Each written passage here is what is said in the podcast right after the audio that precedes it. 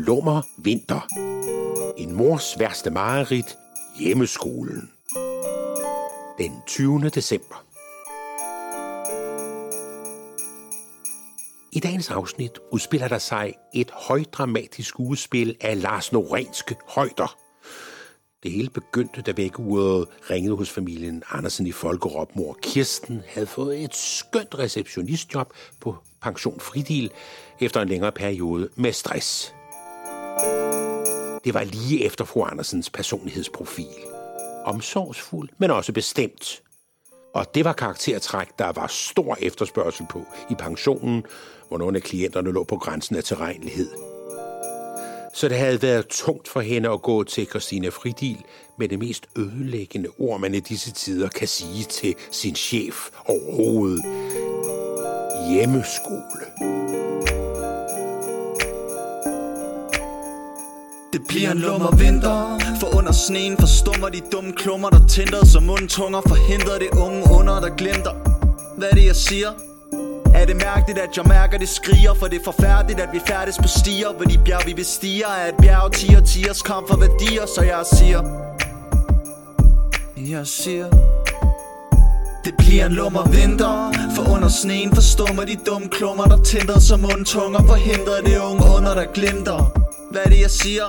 Men er det mærkeligt at jeg mærker det skriger For det er forfærdeligt at vi færdes på stier Hvor de bjerg vi bestiger er et bjerg Tiger tiers kamp for værdier Så jeg siger Det bliver en lummer vinter Det bliver en lummer vinter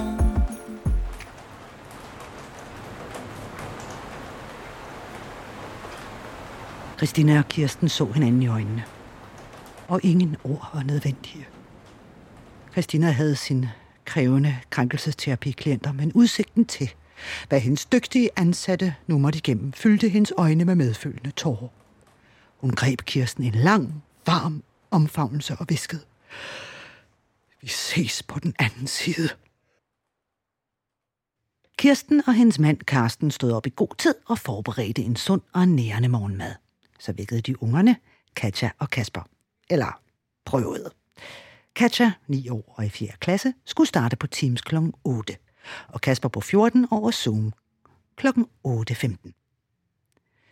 Fra Kaspers værelse stod der en halvrøden sky af teenage-dunst ud mod døren, da Kirsten prøvede at famle sig ind efter lugten henover gulvets skulpturlag af sokker, hoodies og Kasper med computerdele for at finde et langt teenagerben at ruske i.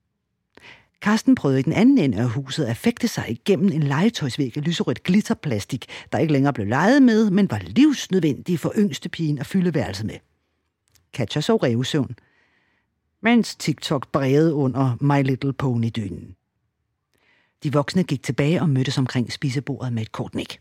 De forsvandt igen i modsat retning. Kirsten strøg ind til sønnen og flåede gardinerne væk og lukkede vinduet op. Karsten greb sit fineste våben i familielivet, han slukkede wifi-signalet. Simultant kom der skrig fra børneværelserne, og familien blev tvangsamlet på hver sin side af spisebordet. Voksne og børn, eller mere præcist, voksne versus børn. Karsten skyllede en stor kop kaffe ned, kiggede rituelt på armbåndsuret, fyldte termokoppen og flygtede væk fra hjemmeskolen. Det her var Kirsten meget bedre til.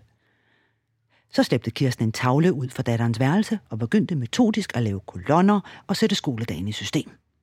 Sønnen værdede hende ikke et blik, da han rejste sig, tog sin telefon og vrængede. Jamen, jeg skal første time klokken 9. Kirsten nåede ikke at afværge knægtens returnering, men hørte vinduet blive lukket igen med et surt udbrud, og sengens knagen under de 70 pubertetskilo, der smed sig tilbage i den.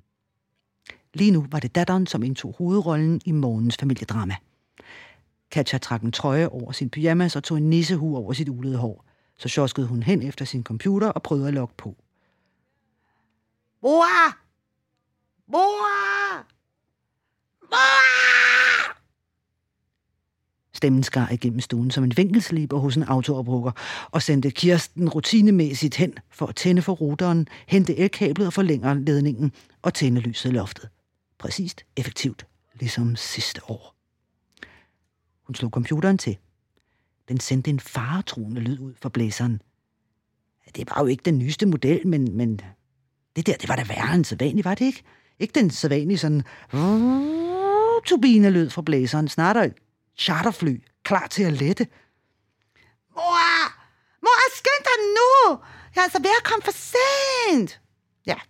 Så blev der igen tændt for den 9-årige vinkelsliber. Kirstens ellers tjekkede opstart blev mere og mere febrilsk. Hun tastede, trykkede enter, genstartede, intet virkede. Hun flåede sin egen computer frem og prøvede desperat at få kontakt til Katjas Teams undervisning, der skulle starte med natur og teknik. Endelig kom hun ind. Startbilledet mindede hende om Fordums Muppet Show med de små uldne hoveder i galleriet og lærerens metalliske stemme, der prøvede at få fokus væk fra chatfunktionen, hvor drengene prøvede at overgå hinanden i versale bandeord og gifs med dyr, der munede. Kirsten måtte lade det være. Men så kom der den der irriterende ping, ping, ping lyd fra søndens computer. Ja, det afslørede, at alle hans klassekammerater var online og prøvede at få fat i ham. Nødløgn eller tjusk. Han havde ikke fritime. Mor Kirsten tændte af. Hun marcherede ind på hans værelse, satte ham op som en kludedukke og smed computeren i skødet på ham med ordene. Lok så ind! Hun småløb tilbage til bryggerset og fandt en pakke røde Winston bag vaskepulveret fra sidste nedlukning. Hun tændte den og sugede så intenst som en misbruger på jagt efter det nødvendige tilfredsstillelse. Mor! blev der brøllet ind for stuen. Kirsten troede, barnet var ved at blive et af en hej, men i bedste Olsenbandens stil, så fik moren remset en liste op med ting, hun skulle fare rundt i huset og hente. Pergamentpapir, saks, limstift, ræb, et tomt glas, to sukkerknaller, brorsalt og en kan vand. Katja skilte, mens hun flåede i tingene og fik væltet saltet ned i computeren og vandet ud over det ellers ubehandlede egetræsbord. Irriteret vendte Kirsten computeren på hovedet og rystede den fri, mens hun prøvede at gribe køkkenruller og redde spisebordet fra skjolder.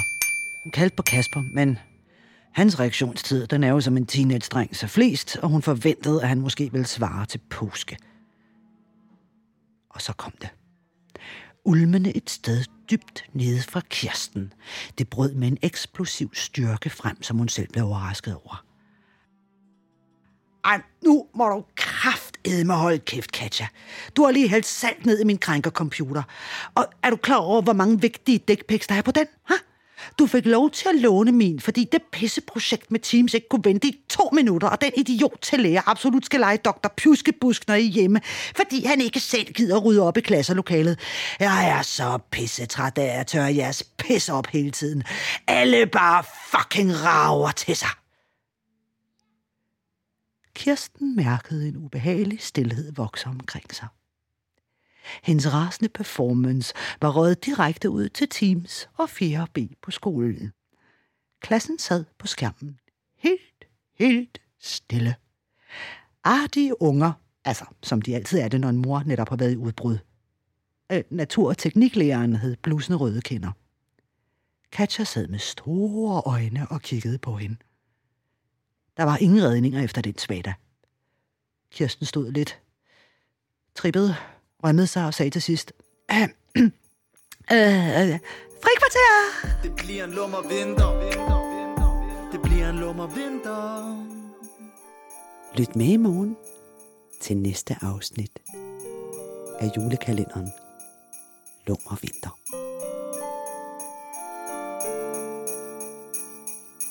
Musikken til Lummer Vinter er skrevet, komponeret og sunget af Sebastian Brønum. Det bliver en lummer vinter. Det bliver en lummer vinter.